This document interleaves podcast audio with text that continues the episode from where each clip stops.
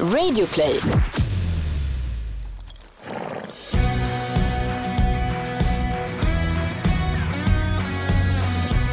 Du är varmt välkommen till Ridklubben med mig Gry Forssell. Och mig Rebecka Lagin. En podcast som handlar om hästar för dig som älskar hästar. Precis lika mycket som vi gör.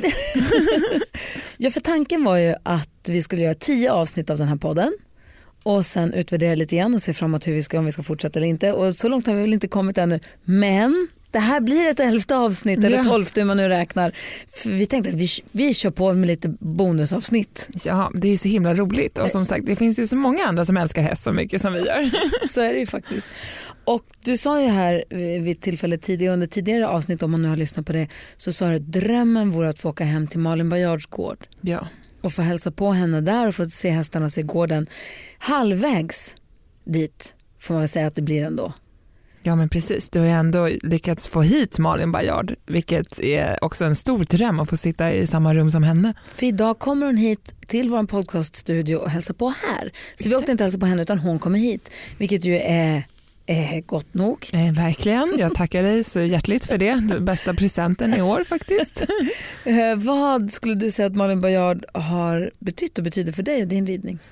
Eh, nej men mycket. Alltså väldigt, hon har ju varit med mig i hela livet hon, var ju, hon har ju varit liksom i toppen sedan hon var 12 år och hon är lite äldre än mig så det betyder att när jag började rida och började, man började få upp bilden för förebilder eller liksom man mm. tittade på andra och man samlade så här Penny eller Mulle-tidningarna så samlade man posters och sånt så var det ju Malin Bajard som var alltså den stora superstjärnan i Sverige. Liksom.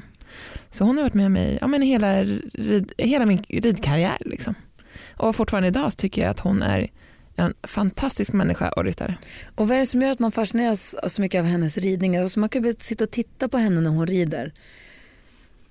Men det, ser det går inte att ta bort blicken. Ut. Nej, hon, dels tror jag att det är fascinerande för att hon är det är ju, alltså den toppen kantas ju lite av att det är mycket män som är i toppen. Kanske inte, det, är, det finns ju tjejer också men det är inte lika mycket. Det känns som att det är mest män. Men att Malin är så liten och späd men ändå stark såklart. Men att hon lyckas liksom förmedla häst efter häst och att det ser så enkelt ut när hon rider. Det är fascinerande. Jag vill också att det ska se så enkelt ut när jag rider. Man vill ju veta hur hon gör. Man skulle vilja veta vad hon har för knep också. Om hon har några konkreta knep på hur man ska göra för att komma rätt på hindren. För det är en sak, även om jag nu hoppar in, alltså mer än hälften så högt som hon gör så är det ju det läskiga är när man kommer fel på hindren. Ja, och det är oftast det man tänker, jag får inte komma fel nu och då kommer man ju definitivt komma fel. Ja, undrar om man har några konkreta tips på det. Sen är man nyfiken på den här eh, Indiana som hon har, som jag har förstått att den är, att hästen är ganska eh, egen. Ja, den ser ju inte superlätt ut, men ändå så ser det ju, den hoppar ju när den, väl, när den hoppar, det ser ut som att den kan hoppa två meter till. Alltså det, den har en enorm kapacitet men det ser inte alltid så himla enkelt ut. Vi ska fråga om Indiana och vi ska fråga om hennes tips. Vi ska ställa alla frågor vi bara kan komma på. Gud, ja, så har vi fått ganska mycket lyssnarfrågor. Så vi slänger in så mycket lyssnarfrågor vi får plats med. Just det, och som du säkert vet så har vi vårt Instagramkonto, Ridklubben-podden heter vi på Instagram. Följ gärna det där. Då kan man skicka DMs till oss eller bara haka på. Vi tycker det är kul. Ja, verkligen. Ja. Men då kör vi då. Ja.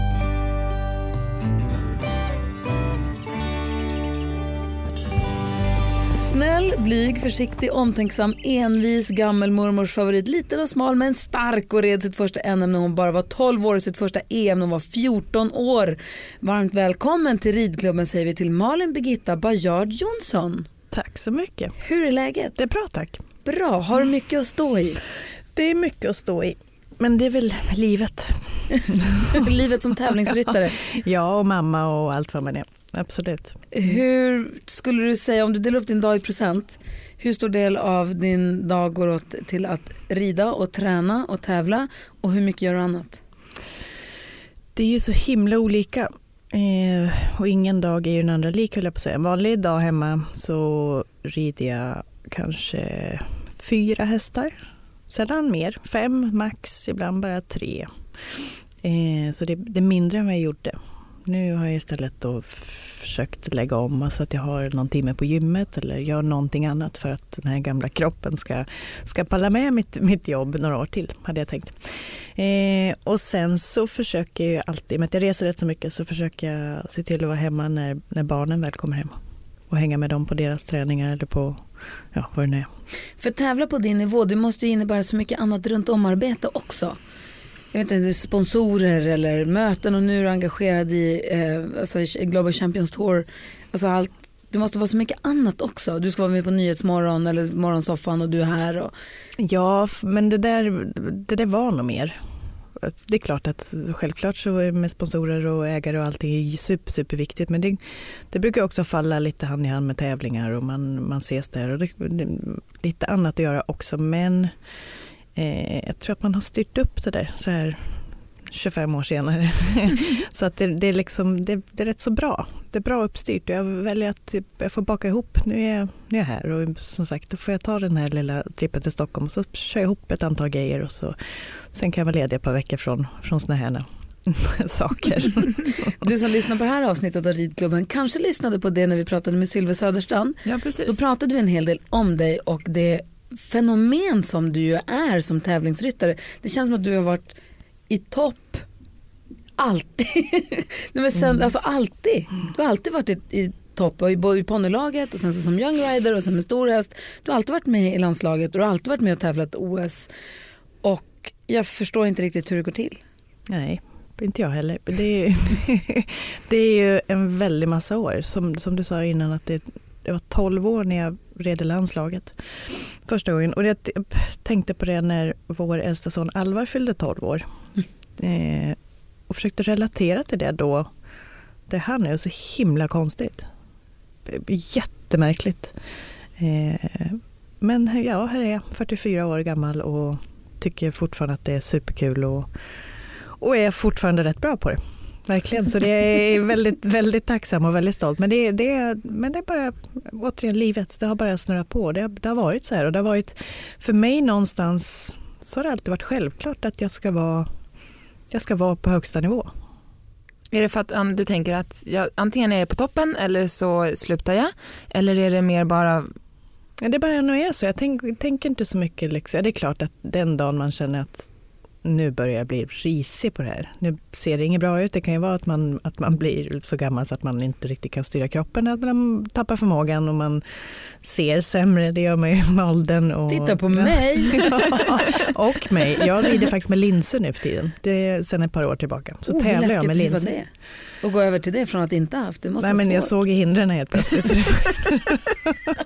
det blev det mycket lättare igen. Det kanske är tips till alla där ute som inte ser avståndet. Prova linser. kanske det jag behöver. Det kan ja. vara så.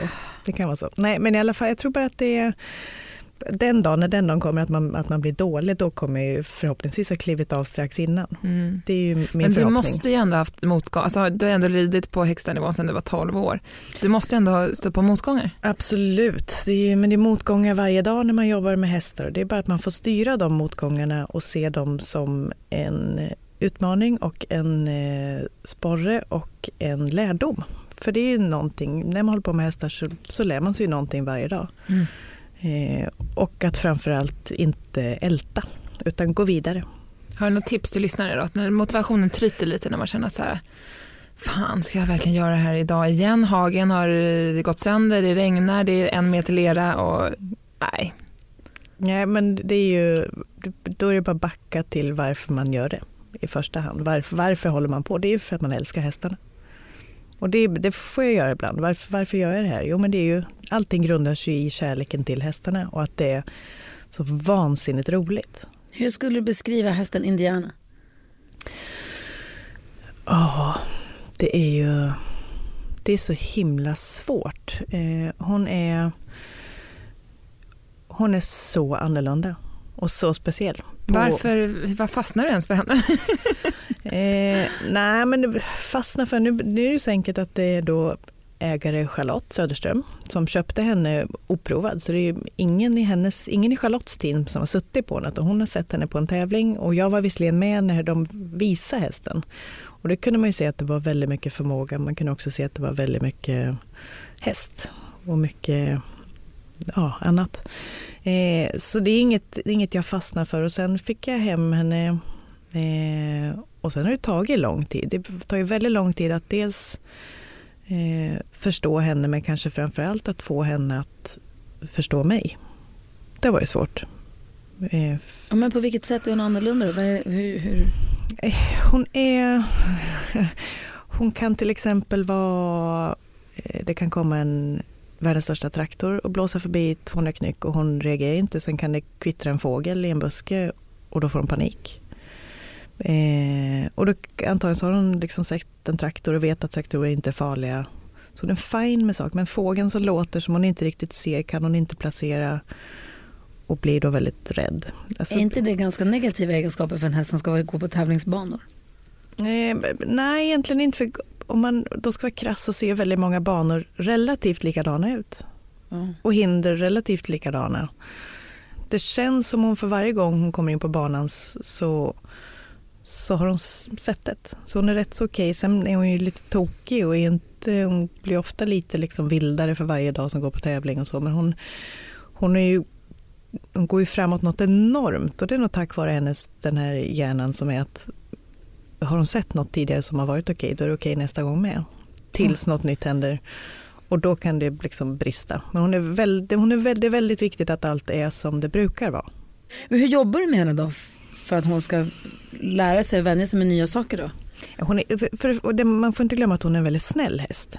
Så det finns inget elakt i henne och det är ju en fördel. Hade hon mm. varit elakare också, hon är väldigt snäll, hon vill alla väl eh, och hon besitter kanske den största förmåga jag någonsin har sett i en häst. Eh, så det är väldigt positivt i det. Sen, sen får man då jobba med de här grejerna och man stöter på nya saker och det, det är viktigt att hon får stöta på dem i måttlig mängd. Tycker inte om barn, och det handlar inte om att hon inte tycker om dem, hon är rädd för dem. Mm. Små människor, hon kan inte förstå varför. Och jag tror att det kommer i att barn ofta låter lite mer än, än vuxna människor och att de rör sig lite snabbare och kanske lite oförutsägbart. Så hon, kommer ungarna in i stallet så får jag direkt liksom säga, men in det där så gå inte för nära och gå inte... För då, hon är rädd på riktigt mm. för barn. Mm. Men vill hon fly då eller sparkar hon eller Nej, då, då vill hon liksom? fly. Hon, vill, hon är fly ja. när hon berättar ja. för saker. Mm. Och då har vi ändå liksom, försökt med, med vår fina Ed som är väldigt duktig med hästar och tycker att det är mysigt. Han har, mat, han har fått matarna, någon gång har hon vågat gå fram liksom, när han har morot och så. Men det nej, hon har väldigt svårt att förstå vad de där små människorna. Men går du igång då på att det är ett projekt? Hästen som sådan, att det här är ett projekthäst, att en diamant att slipa fram, kan du triggas igång av det? Absolut, det är ju jätteroligt att jobba med en sån häst. Det är ju framförallt med tanke på hennes förmåga. hon har ju blivit en av världens bästa hästar idag och det har ju varit en, en svår resa många gånger men också väldigt, väldigt rolig. Jag tycker att det är roligt att jobba med, med hästar som är annorlunda, med ston och också med, med hästar som vill så mycket som hon. Hon har ju en fantastisk vilja i det här, bara man kan återigen lägga viljan i rätt riktning. I snålblåst, svetslågor, på hög höjd eller med tung last tar du risker varje dag. Genom att erbjuda bästa tänkbara skyddsutrustning och rätt verktyg för jobbet kan vi göra ditt jobb säkrare. Och säkerheten har aldrig varit viktigare. Så välj Swedol. För säkerhets skull! För säkerhets skull. Ah, dåliga vibrationer är att skära av sig tummen i köket. Ja! Bra vibrationer är att du har en tumme till och kan scrolla vidare. Få bra vibrationer med Vimla. Mobiloperatören med Sveriges nöjdaste kunder enligt SKI.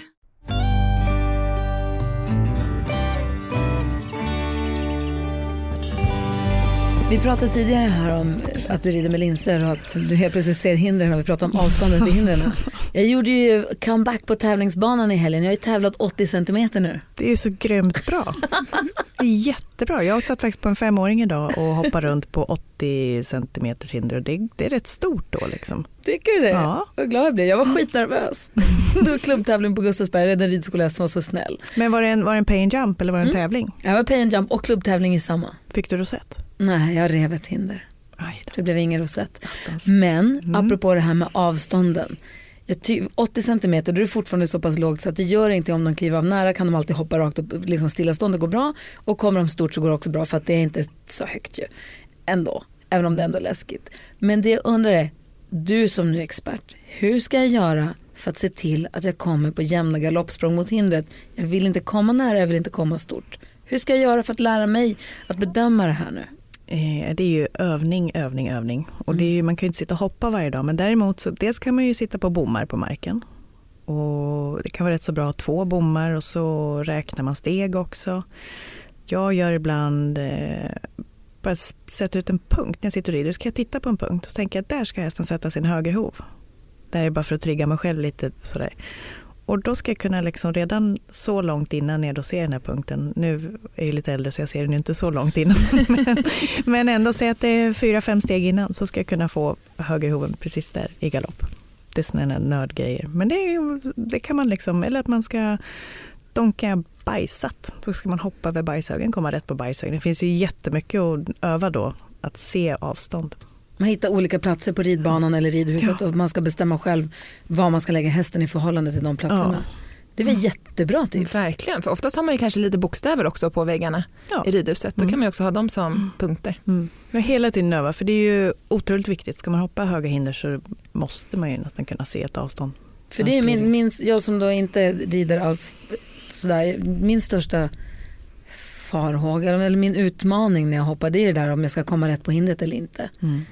Och det är ju svårt om man inte ser, så är det ju jättesvårt. Och det handlar det är bara att öva.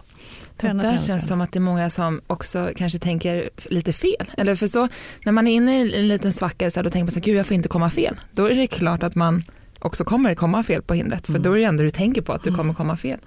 Så jag tror man ska öva och sen försöka visualisera och se hur, hur man vill komma på hindret istället. Mm. Det försöker jag träna mycket med när man är inne i en så dålig period. Men har du alltid varit en tävlingsmänniska? Mm. Du har alltid gillat att tävla eller blir du arg eller blir du glad av att tävla? Jag blir ju glad av att tävla om det går bra. Jag läste någonstans att din familj, din, dina föräldrar i smyg lät dig vinna alltid när ni spelade sällskapsspel och sånt. Ja, och det, jag vet inte om det liksom grundar sig, antagligen det är klart att jag blev förbannad, men jag, jag tänker att jag har två systrar som också blir arga. Jag vet inte om det var att jag var yngst också, att de, fast jag kanske var värst. Jag frågade, jag, är, jag är en jättedålig förlorare, jag hatar att misslyckas. jag frågade din man Henrik om det så att de låter dig vinna i smyg. Han sa aldrig. Däremot fråga om hon någonsin har spelat minigolf eh, med gott humör. Ja, när jag har slagit dem. Men han är ju likadan han. Det, han, låter, han tror att han liksom brukar prata om att jag är så dålig förlorare, men han är nästan värre än mig. Så det är nästan så att vi låter honom vinna för att det ska bli bra stämning. Nej, vi är en tävlingsfamilj, helt klart, allihopa. Och det, nej, det, jag tycker ju inte att det är roligt att eh, tävla för skojs skull. Nej. Det finns inte, det är inget roligt att spela minigolf om, det, om jag inte liksom är med i alla fall och slåss om ett. Är båda barnen är- likadana också? För de, den ena spelar handboll, Båda spelar handboll. båda spelar handboll. Ja, eh, Alvar som är äldst är nog lite, är nog bäst på att behärska sig.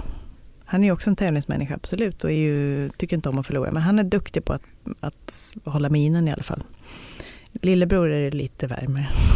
Han de känns, som man har fått, ja, han känns som man har fått min och Henriks dåliga förlorarskap i liksom dubbelt upp. Jag skulle vilja påstå nu att det var ju inte där och då det hände för det fanns andra omständigheter som spelade in. Men jag vill ju påstå att jag var ju med när det sa klick mellan Malin och Henrik Jonsson. Mm. Kommer du ihåg? Ja, absolut, jag kommer ihåg. Det var också ett tävlingsmoment. Skitförbannad var jag. Henrik Jonsson och jag var programledare för Fångarna på fortet när det gick på TV3 en kort sväng. Och då hade vi ryttarlaget med som tävlade. Vilka var det? Var du Maria Gretzer? Mm, det var väl eh, Per-Ola Nyström. Det var hockey eh, Håkan Söderström.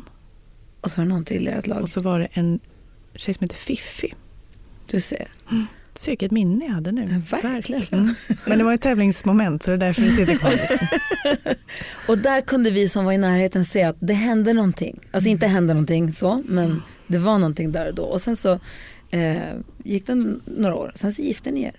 För 15 år sedan, vad fort det går. Ja, galet fort. Galet fort går tiden. Hur firar ni 15 års, 15 år bröllopsdag? Vi ska smita iväg, bara jag och Henrik och ha det mysigt. Vad mysigt, Mm. vad bra. Mm.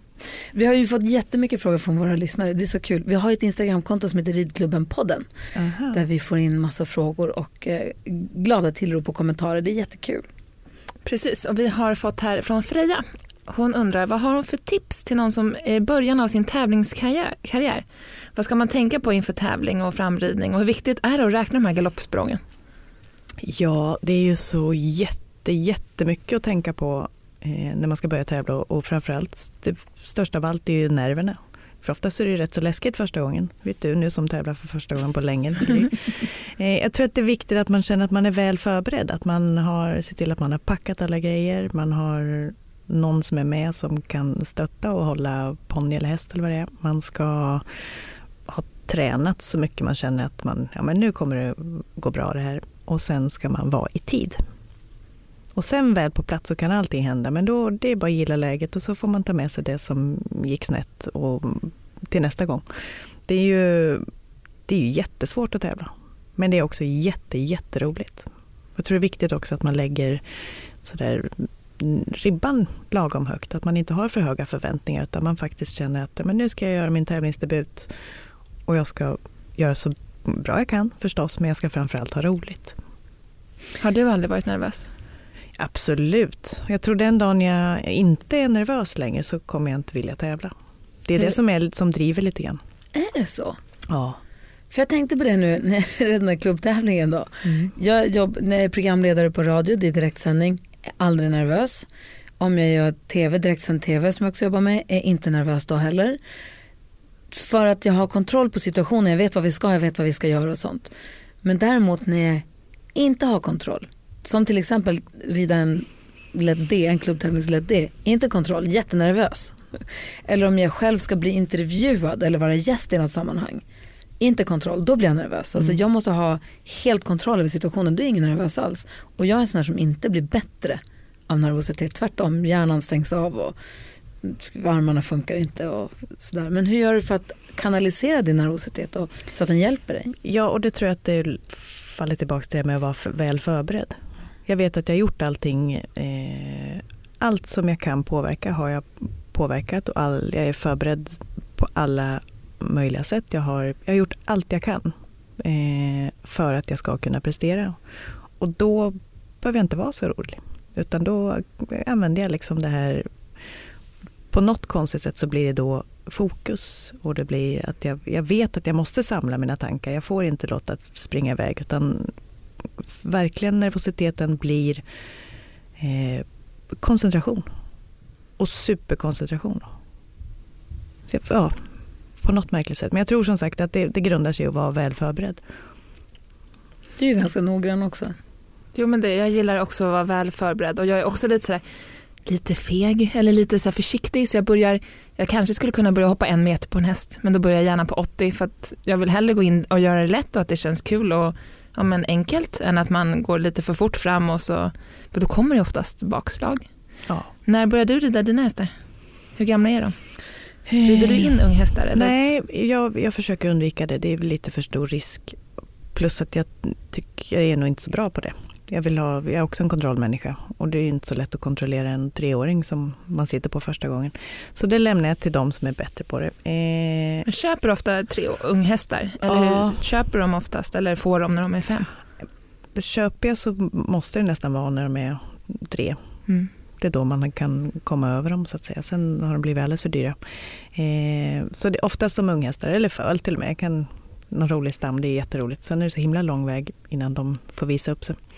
Men nu till exempel så har jag tagit med en av femåringarna hemma. Jag har tjejer hemma som, som rider de unga åt, men jag är hemma lite för sällan och borta på helger så då är det bättre att någon annan gör jobbet och att det blir kontinuitet för unghästarnas skull Mm. om inte annat. Men nu har jag hoppat upp på en femåring och rider runt lite på det. Och det är ju väldigt, väldigt roligt. Det är ju det är en ganska stor kontrast att komma från då GCT i Tyskland där minsta lilla misstag, millimetermisstag är förödande till att få sättas på en femåring som, som inte kan så mycket och man faktiskt kan släppa alla de här detaljerna och bara gå på de stora grunderna och, och egentligen bara ha roligt med rider. Mm.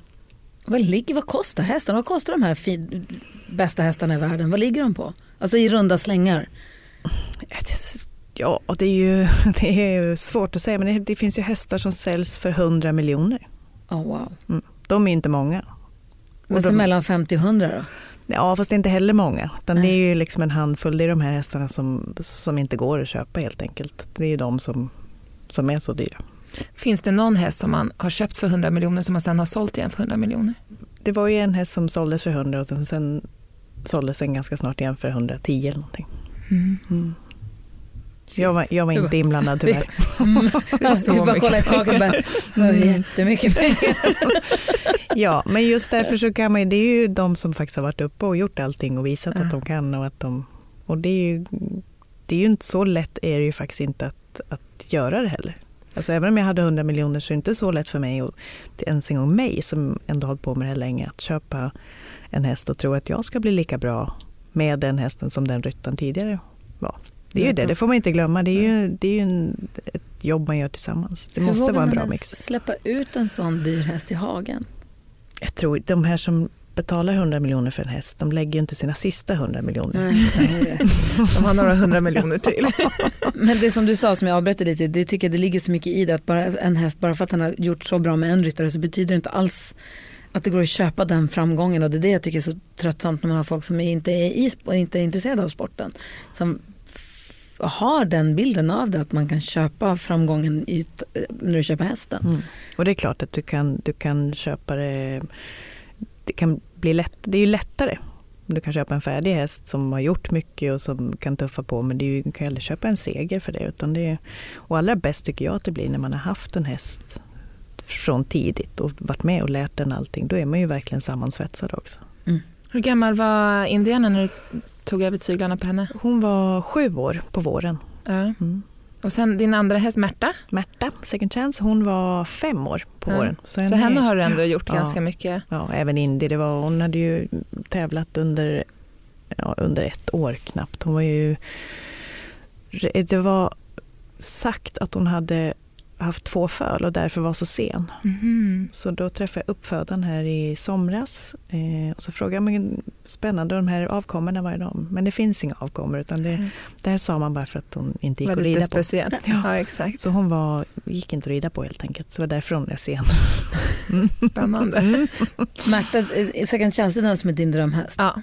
Alltså det är ju min, jag har ju aldrig ridit henne men du vet ibland vissa hästar när man ser dem så får man en känsla i kroppen som bara känns så här gud det känns så härligt när jag rider henne när du sitter på då fast jag rider via tv. Du fantasirider när Exakt, rider. Men vad, om det är någon nu som lyssnar som inte har koll på vad det är för häst, vad är kan, kan du beskriva det du ser då, det du tror att du tycker så mycket om? Ja, men hon ser ut liksom som en liten katt och hon är lätt i uppförsbacke, där hon ser så himla lättreglerad ut. Hon ser inte för stark ut, hon ser inte slö, alltså hon ser bara perfekt ut.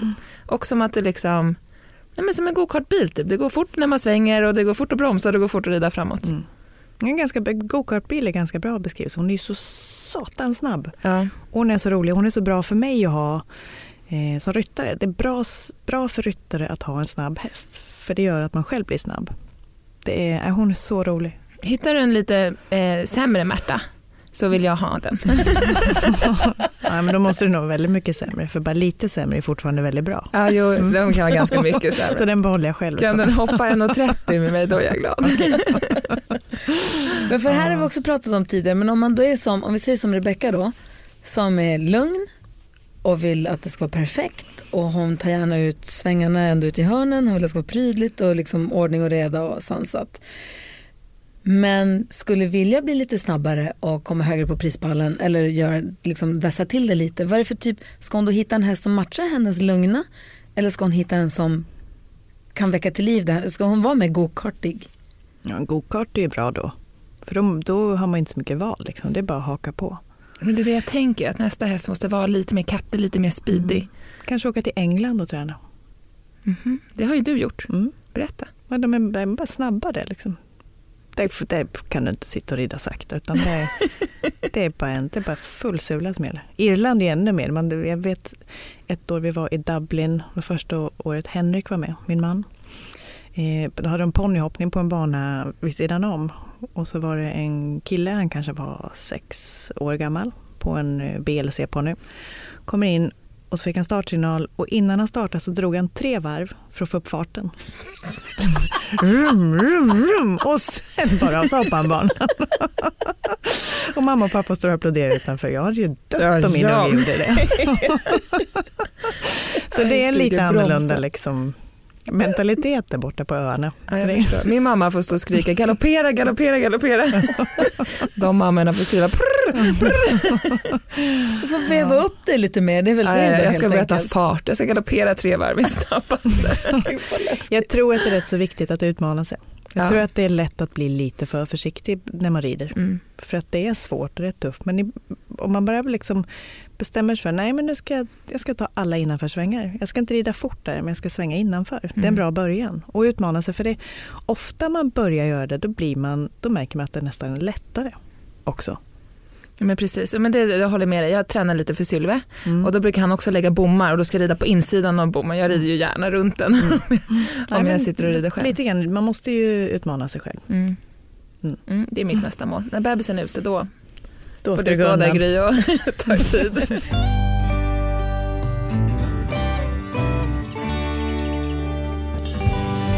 Viola har hört av sig och fråg, undrar när du började rida. Hur gammal var du när du började rida? Ja, jag var väl eh, sex, sju år någonting. Jag bodde i Söderköping och började på, eh, på ridskola där. Mina båda systrar red.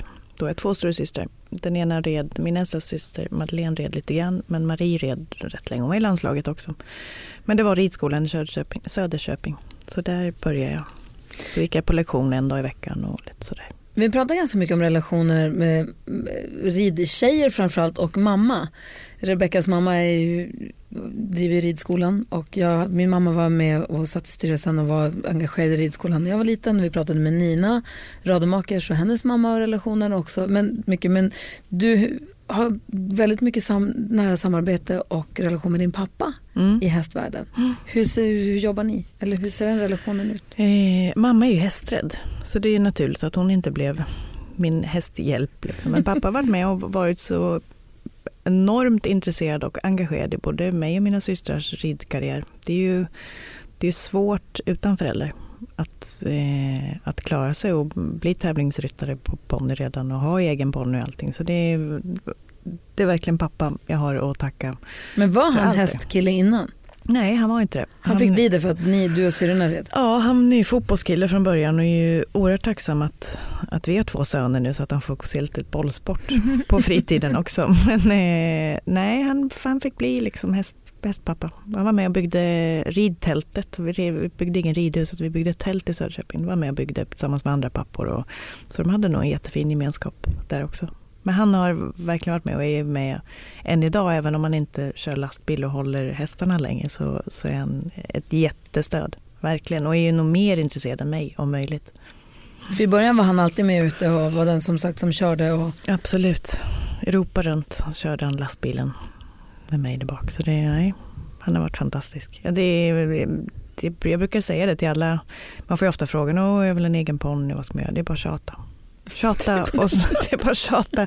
För föräldrarna är jätteviktiga så man måste ha dem med sig så det är bara tjata. Det, det Det är bra tips Nicky, Grys dotter Ja, Nicky. Hon Ja. vill ju så gärna ha en ponny.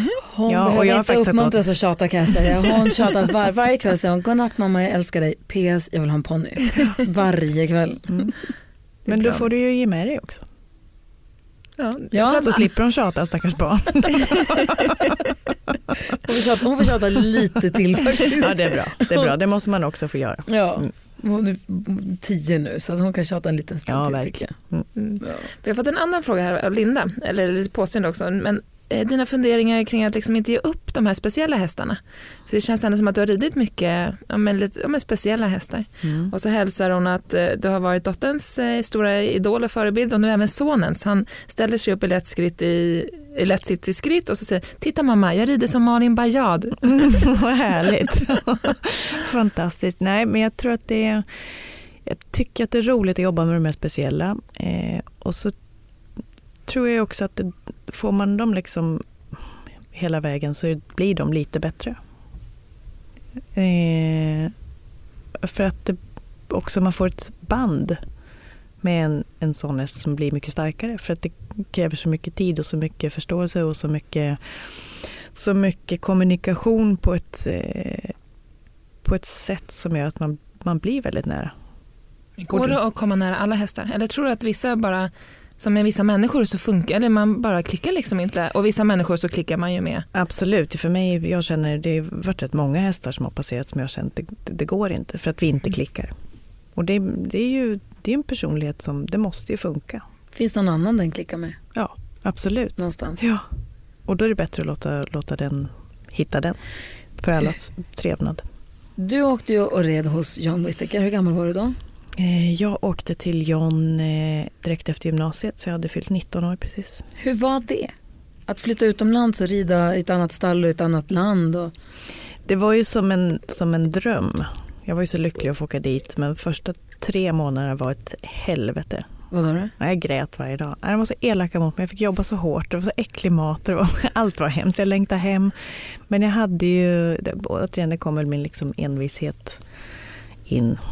Och jag vägrade att ge mig. Och sen, det tog, eh, två månader tog det väl. Det var, jag kom dit i oktober och efter jul någonstans. Jag kände att det, hade, det var bara en väg och det var att slita sig in i gänget. De tyckte att jag kom dit, jag hade egen häst med mig och att jag var lite sådär för mer. Så gänget släppte inte in mig. Så jag, jag kände enda sättet är att jobba lite hårdare. Och jobba mig in i gänget. Och det gjorde jag. Och sen blev vi liksom, jag har kontakt med dem än idag och det, det blev fantastiskt. Men det var tufft. Jag tror att det är hela grejen med att vara tonåring och flytta hemifrån. Det har varit lite skyddad verkstad. Man har mamma och pappa och man får hjälp. Och man, sen är det där borta liksom. Och kompisar och allting. Det är ju ett stort steg. Har du någon så här, det här tog jag verkligen med mig från John Whittaker som du känner att du verkligen lärde dig där eller som du fick med dig? Jag tror eh, väldigt, väldigt mycket. Det var fantastiskt att vara där. John är en, en helt makalös hästkar. Om det är ordet, om det är något positivt i det. Men det känns som hästarna fick verkligen vara hästar. Eh, allt, allt ifrån hur de tar hand om hästarna till ridningen till eh, rubbet. Fantastiskt att vara där. Till att vinna klasser, till att rida fort. Så hela, hela, hela vägen fram. Jag är så tacksam att fått åka dit. Verkligen. Jag tycker att det är så fascinerande när man ser dig rida för att det ser så himla lätt ut. Du, det ser ut som att du, är, att du och hästen att ni är ett och att ni är ett team och det ser så himla... Och dels är du ju liten och nätt i kroppen eh, men det är någonting med handen som är så himla... Du är så otroligt lätt att följa med handen känns det som. Om man känner själv som ryttare att man inte är det och man skulle vilja bli lite lättare i handen, att man känner att man spänner sig på något konstigt sätt eller man sätter, ställer händerna konstigt eller man kan inte riktigt... Finns det något konkret sätt man kan öva upp för att få en lättare hand? Mm, jag tror att det är, jag tror att man måste försöka tänka att man ska, att man ska känna. Man ska inte rida, man ska känna. Det är ju känslan hela tiden. Man, man tar tyglarna och så ska man korta tyglarna så ska man bara känna att, att händerna och armarna är en förlängning av bett och tyglar. Det, liksom, det ska bara sitta ihop. Det ska inte vara emot varandra. Det är så enormt viktigt att, det, att man jobbar med. Men det är, det är också kontakten som är viktig. Du måste ju hitta en kontakt med hästen. Du måste ju kommunicera och det gör du ju genom att ha kontakt med händerna. Men det är med känsla.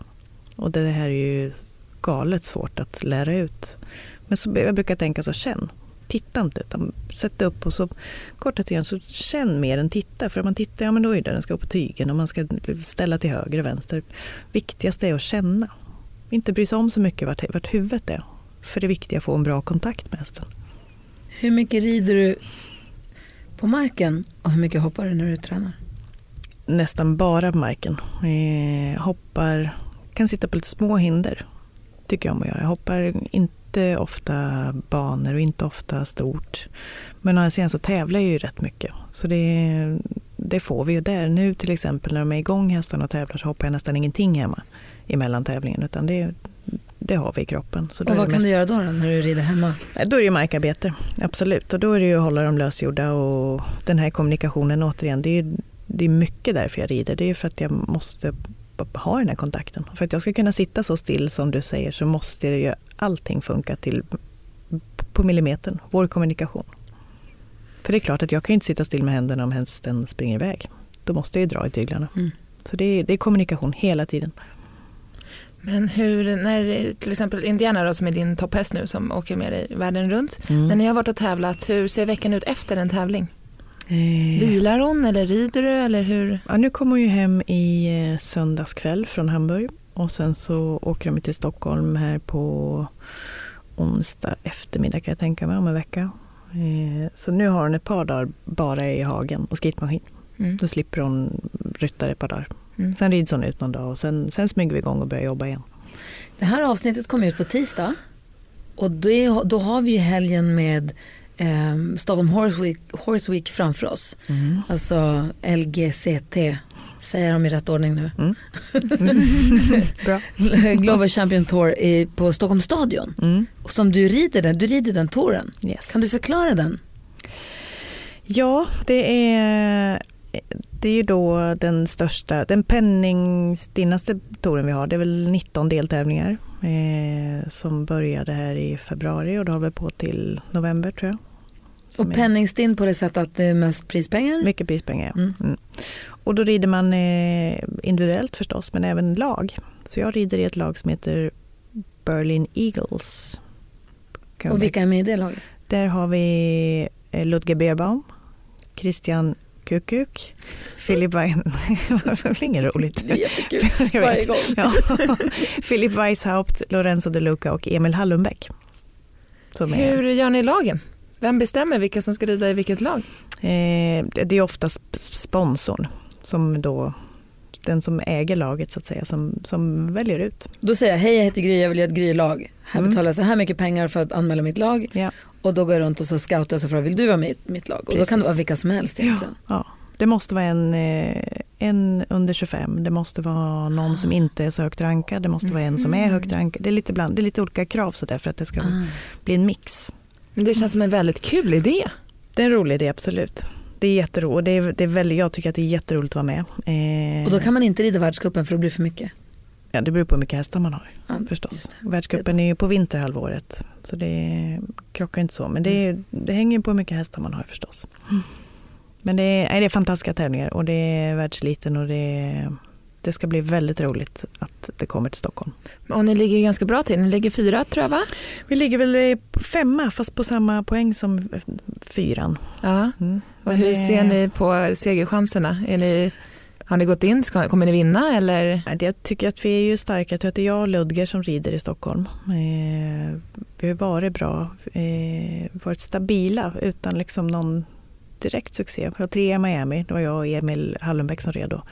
Eh, men det skulle ju inte vara fel att faktiskt vinna den här deltävlingen i Stockholm. kan jag tycka ju Det, det dags tycker jag också. faktiskt. Ja, då Ja. bestämmer vi det. Ja. Men hur du, Ringer du Ludger och säger Jaha, jag pratar med honom. din, eh, för Peder Fredriksson ingår ju också i ett lag Mm. och de leder ju. de leder precis. Och ni är ju också i team H&M båda ni två. Mm. Hur liksom ser konkurrensen ut mellan er? Är ni kompisar alltid eller blir man lite, försöker pika varandra? Eller? Nej, vi, är, vi har ju jobbat ihop väldigt många år nu. Eh, så det, är- vi är kompisar absolut. Sen är det en omhoppning med bara han och mig i en stor Grand Prix så det är klart att jag vill slå honom. Mm. Då delar du inte med dig hur du tänker göra? Nej, inte Nej. just där och då. Det kan jag ju säga efter då hur jag gjorde när jag vann. Nej men såklart att man är, man är kompis, man är kompis med de flesta. Man Ja. tävlar varje vecka och man, man förlorar så himla många tävlingar så det, det går liksom inte att gå runt och vara sur på de som vinner utan det är, man gläds åt de som vinner de gångerna och hoppas att man vinner nästa gång istället. Men för det känns ju, är man, för nu ofta får man ju, kan man ju se framhoppning och framridning och att vi som publik får ju vara med ganska mycket och se mycket. Att det känns som att ni är en familj och är så himla bussiga och morsar med varandra och ni skrittar lite med varandra och Mm, chitchattar. och- Absolut och likadant, det kan vara rätt så intressant att se om man tittar när vi går banan så pratar vi väldigt gärna med varann och, och bollar och som sagt säger vad vi tycker hur man ska rida och inte rida och ber om tips och råd. Det får man av vem man än frågar. Mm. Så det är, men det är väl också att det i slutändan så är det så extremt svårt. Och den som är bäst just den dagen den kommer att vinna. Det spelar ingen roll om du berättar, liksom, det är inga hemligheter om du ska gå på fem eller sex steg utan det, det är så. Det, Det är fem. ja, eller sex. Vem går du helst banan med? Eh, jag tycker om att eh, gå igenom banan med Marcus Ening. Har alltid gjort det. Han är, eh, jag, har gjort det, jag har känt Ening sedan jag var 14 år. Så det är we go way back. Eh, och han vet precis hur jag funkar, han vet hur mina hästar funkar. Vi är egentligen ingenting, vi är inget lika. Han är ju rätt tysk och eh, enorm kontroll och det har ju jag sällan. Även om det kanske ser ut så. Det vet han om. Men han vet också hur jag, hur jag funkar, hur jag borde göra. Så, det. så han, är, han är trygg. Jag lyssnar inte alltid heller. Men jag är inte så rädd för honom när han blir arg då när han tycker att jag gjorde fel. Så, det, nej, vi funkar bra. Men jag tänkte på tidigare så pratade du om att du köper lite unghästar och tycker det är intressant med stam. Mm. Har du någon favoritstam? Eh, nej, det Är det någon också- favorithingst? Så här, Mm, det den här är hingsten är min.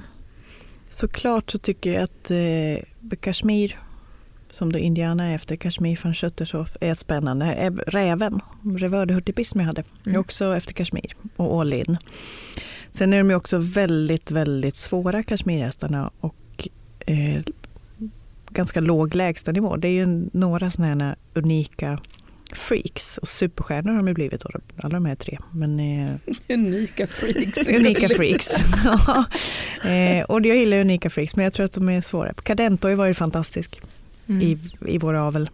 Verkligen lämnat väldigt mycket bra. Liksom. Jag har precis köpt en tvååring. Den Mm. är efter Canantol Cadento. Mm, Det är ett litet stort. Den ser jag fram emot. Jag tänker att det ska bli min nya Märta. det kan bli Märta, absolut.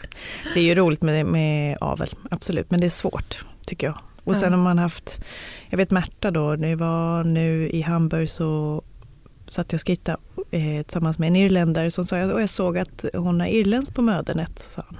Mm. Så jag, det är väl någon Clover Hill eller vad det kan vara. Så jag sådär lite. Ja, men vad är det för hingst? Så, nej, jag vet inte, så kollar vi. Och så, åh herregud, det är Irlands sämsta hingst. Men. Ja, så det, det kan liksom Ja. bli bra ändå. Det är Mm. det. Det är individen man vill åt. Inte, Men vad är det som får dig att säga klick då? Vad är det som får dig att fastna för en häst? det, det måste ju vara kemin. Det handlar inte bara, det må, båda måste ju klicka. Det spelar ingen roll hur mycket jag gillar den Eftersom om den inte gillar mig så är jag kört. Liksom. Sen kan jag ju förstås jobba upp det. det går ju, man kan ju träffa en, en person och det blir fel första gången. Men det går ju faktiskt att jobba förbi det. Eh, och det är likadant med hästar. Det gäller ju att ge varje häst lite tid. Och det kan ju ta, jag kan ju inte säga att det klickar mellan mig och Indy. Det tog ju tog något år i alla fall innan jag kände någon form av klick. Sådär. Men det är å andra sidan när man, när man då jobbar med någonting som man, som man ändå känner går framåt och återigen när, man, när det finns någon slags talang eller förmåga eller viljan är också. När en häst är villig att försöka förstå, även om den inte gör det, så är det ju roligt att jobba med. Och det är ju det, är ju, det roliga som finns det är ju att, att försöka jobba fram den här perfekta känslan och jobba fram klicken. När det väl kommer så är det ju det är helt magiskt. Det är, få, det är, det är drömmen. Mm. Jag bara sitter bara här och jag vill också rida. får du göra snart. Jag vet. Klämma ut den där. Du ska få göra det. Vi har också en fråga här från Henke. Han eh, skriver, jag har länge funderat på att börja rida då min fru och dotter rider, men kan tycka att det känns konstigt som 37-årig man kliva in på en ridskola och vilja ta lektioner. Har du något tips? Jag tänker väl att det är så mycket kvinnor på ridskolan så de borde väl uppskatta om det kom in en man. Eller hur? Jo, men jag håller med, jag tycker också det är kul. Vi har lite killar, män och yngre som rider och det är toppen, det är mycket roligare med blandning tycker jag. Ja, eller hur? Och det är inte konstigt. Verkligen Det är ju inte. som att jag är en tjej, 37 år, som vill börja lära sig rida. Mm. Det är samma sak. Ja. Nej, det är bara att köra. Det är väl det är svårt att få plats på ridskolorna, att det är svårt med de grupperna bara. Att det, att det kan vara lite kö och svårt. Det är inte så många ridskolor som har sådana grupper tror jag. Men då får man väl hitta ett par polare så startar man en egen grupp. Exakt. Ja. Det går säkert att lösa. Ja, ibland, oftast kan man ta lite privatlektioner. Så då går det också lite fortare kanske att komma ikapp eller liksom lära sig grunderna i alla fall Mm. så att man känner att man kan behärska hästen. Om man har en häst som man tävlar på, så att man rider 1,10-1,20 Mm.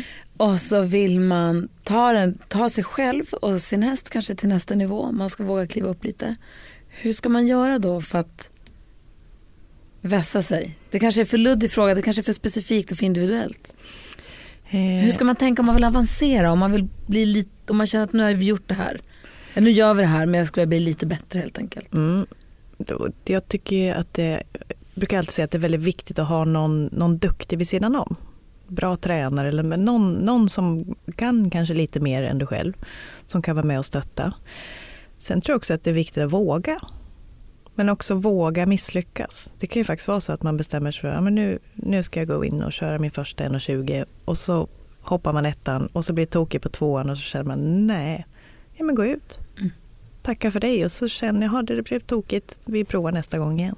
Man får inte vara rädd för att misslyckas med en häst. Det är, man gör det rätt ofta liksom, i och med att man också är två stycken. Och det är skitsvårt att rida och hoppa. Det är supersvårt, det får man inte heller glömma. Så det, det blir fel ibland. Det måste, man, det måste man leva med helt enkelt. Så det är, jag tror som sagt vå- våga, men också våga backa ett steg. Skönt att höra att Malin Baryard också tycker att det är svårt. Ja. Tycker jag. Har du någon du tränar för? Jag har ju tränat för Peter Markne i hundra år. Eh, just nu så har jag egentligen ingen jag tränar för, men det är också för att jag är borta så mycket. Tävlar så mycket. Men jag tränar jättegärna. Jag har haft många tränare genom, genom alla år. Jag kan också känna att jag, att jag får hjälp på, på tävling. Till exempel när jag då bollar saker med Marcus Ening. Så lär han mig ju något varje gång. Jag kan ju säga så, men tänk lite mer. Hon gör ju lite sådär, då kanske du borde liksom sträcka upp den där tygen lite eller vad det kan vara. Små saker. Mm. Få tips och idéer och det, det är mycket, man bollar väldigt mycket med sina kollegor. Och det är också de som står där vid sidan om och tittar och också har hoppat samma bana och vet exakt hur det var och hur det Det är svårt att ta med det här hem också och försöka förklara för någon som, som har suttit här hemma och, och inte har sett. Där kanske man ska bli bättre på i lägre nivå tänker jag. Jag går ju alldeles sällan, man kanske har någon lagkompis eller klubbkompis som man går banan med. Men ofta så kanske man går den själv eller med sin mamma eller pappa och så diskuterar man det ju inte med de andra som går banan. Som också ska rida nu. Exakt, det kanske man ska göra lite mer. Mm, Och så här- absolut. Och någon som startar, jag startar tidigt, då kanske jag kan hjälpa dem som hoppar lite senare. Så här, där- Den svängen var lite, tänk på att hålla Inte ut om du där. leder, Nej, då ska du inte hjälpa någon. nej eller? Det tycker jag inte. Nej, är Det frågan var någon som, lite jävla anamma vi skulle hjälpa dig Ja, med. Precis, Ja. exakt. men fråga någon som också ska rida banan. Fråga, hur tänker du i den här svängen? Eller Exakt. hur, hur har du våga, att våga göra det? Ja. Jag, tror det, det, det, jag, jag tror att det är ganska, det, tyvärr lite osvenskt att göra det. För Ja. det, man ser det inte så jätteofta i Sverige. Det, det är vi proffs som pratar med varandra ofta. Men jag tror att man, man ska våga. Man, man ska våga, om jag är på någon, på någon, mindre tävling, så våga gå fram till mig och fråga. Vad tror du mellan de här två hindren? Så kan jag berätta vad jag tror. Eller någon annan. Jag tror man, man, ingen är fullärd. Jag vill ju veta saker hela tiden. Och man måste dela med sig för att liksom bli bättre själv också. Det tycker jag vi tar med oss. Ja, verkligen. Ja.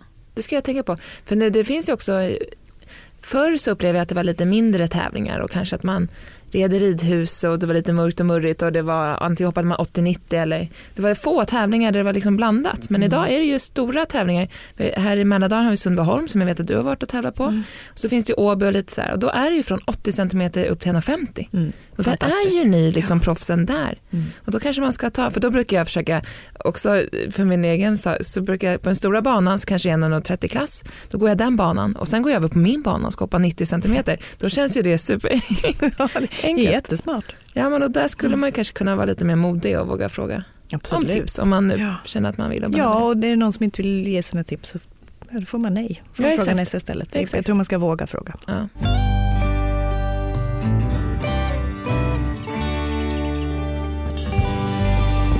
Vi brukar alltid be våra gäster om ett stalltips. Ett fiffigt tips på hur man kan förenkla någonting, vad det nu kan vara göromål i stallet eller när det gäller ridningen eller något att tänka på på tävling, vad du vill. Om du skulle ge oss ett stalltips, vad skulle det vara då? Det finns ju massor av stalltips. Jag tänker så här att vi kan hålla oss till tävling.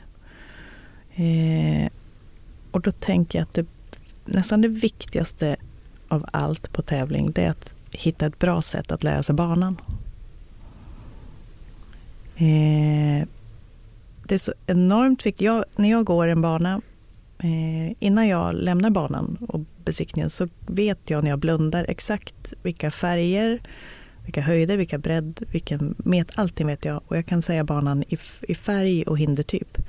Och kan jag inte det så, så har jag inte lärt mig banan bra nog. Så det är en sån grej. För då kan jag släppa det, kan jag släppa det helt. Så kan jag bara fokusera på hästen och på ekipaget. Då vet du att det finns i bakhuvudet. Så Ja. när du går in på banan då Ja. är det där. Liksom. Ja. Bra Men hur ska tips. man göra för att lära sig det då? Alltså hur gör du för att komma ihåg? Ja, då får jag bara gå tillbaks. Om jag går banan en gång och då, Ja. sen får jag väl, så stannar jag så jag ettan grön, oxer, tvåan rödvitt räcke, vänster. Aha, så får jag titta, är det med orange och sen tills det sitter. Och exakt, jag måste veta exakt. Och också för att kunna vara öppen för plan B. Hästar blir ju inte alltid som man har tänkt sig när man rider han ettan och sen har en bild. Och det blir ju, ofta händer det ju någonting, att de är lite starkare den dagen, lite tröttare, lite vad det nu är. Mm. Det blåser lite och de är lite spända. Så då gäller det alltid att vara så väl förberedd så att man kan hantera plan B. Eller ta fram den. Det andra kortet, lite snabbt. Jokern. Där man har tänkt så här ska jag rida på fem och så blir det inte alls så bra på hindret innan Nej, som jag hade exempel. tänkt mig. Mm. Då måste man kanske kunna säga okej jag tar ut svängen och rider Mm. på sex istället. Precis. Nej, bra tips. Jag brukar nog göra, för jag ser Peder skriver ju på en lapp till Mm. exempel när han går banan. Men han är noll lokalsinne.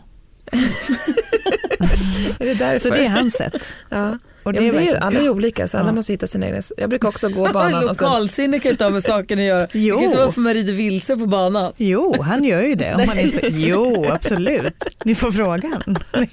Det är helt säkert. Helt säkert. Kul. för han aldrig köra bilen hemma. Undrar om han får alltid sitta passagerarsätet för att Jag hörde kommer inte fram. Peder berättar faktiskt att Lisen är helt naturligt. När de åker till skolan och liknande så berättar hon vägen för honom. Utan att ens, han behöver inte ens fråga. Sväng höger, det här är ändå hemma hos dem. Så jo, Ja, men så. då måste man kanske skriva upp banan, det har du rätt i.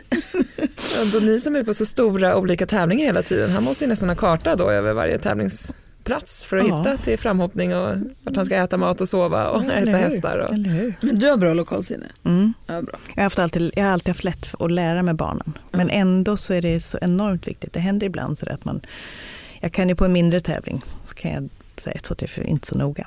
Och det, det är inte hela världen där kanske. För det är, men på den här högsta nivån så är det så extremt viktigt att det är på millimetern, att jag Mm. har stenkoll. För återigen, det är, det är millimeter det handlar om. Men och det känns som att speciellt om ni rider typ i Globen eller i eh, Göteborg. Där känns, det finns ju inga marginaler någonstans. Alltså det är ju hoppa hindret, landa och sen är man direkt på väg till nästa. Mm. Är en annan sak kanske när man rider på Falsterbos stora gräsbana. Ja, fast även där så har du ju inte tid att gå ut till, till väggen. Då har du förlorat och då har du tidsfel. Ja, det är det som är... Det var snyggt. Ja, men det är det som ofta är svåra. Det är, små banor är kanske lättare för det finns inte så många olika vägar utan du, som du säger, du landar och så står nästa hinder där ganska snart. Men på Mm. de stora gräsbanorna så är det lätt att man tappar några meter där och några meter där och då, då har man snart tidsfel. Så det är nästan ännu viktigare då att vara helt klar på att när du landar så måste du tänka höger annars har du tappat tre steg där ute. Så det är, När det gick upp för mig att alla ni på er nivå, att alla galoppsprången är planerade. Jag tror aldrig jag räknat ett galoppsprång i hela mitt liv när jag har tävlat. Jag, en, en och tio. Hinder nummer ett och hinder nummer två. Så det blir, hoppas vi att vi kommer rätt bara. Det löser sig. Alltså kombinationen absolut men inte annars. Fast saker och ting förändras väl kanske. Jo, men och sen Och rider jag- kanske på olika nivåer och det. Nej, men så där tror jag det var när man var yngre så var det inte så noga. Alltså då skulle man ju bara pricka rätt hinder och gärna Ja. på mitten av hindret. Kommer Ja. Det var viktigt då. Ja, och det är ju, det är ju, det är ju nummer ett. Ja, att faktiskt hoppa rätt hinder och klara hindret. Sen hur du tar det dit. Men det blir enklare att klara hindret om man räknar galoppsprång. Det är väl det lite grann. Jag har förstått det. Så det stort lycka till i, på Stockholms stadion. Tack så mycket. Det Kommer blir- ni och tittar? Ja, Självklart. Vi Härligt. kommer att heja. Mm, det är bra. så hej och ropa så det bästa härliga till. Berlin Eagles. Ja. Och tusen tack för att du hälsade på ridklubben. Tack för att jag fick komma. Jättekul.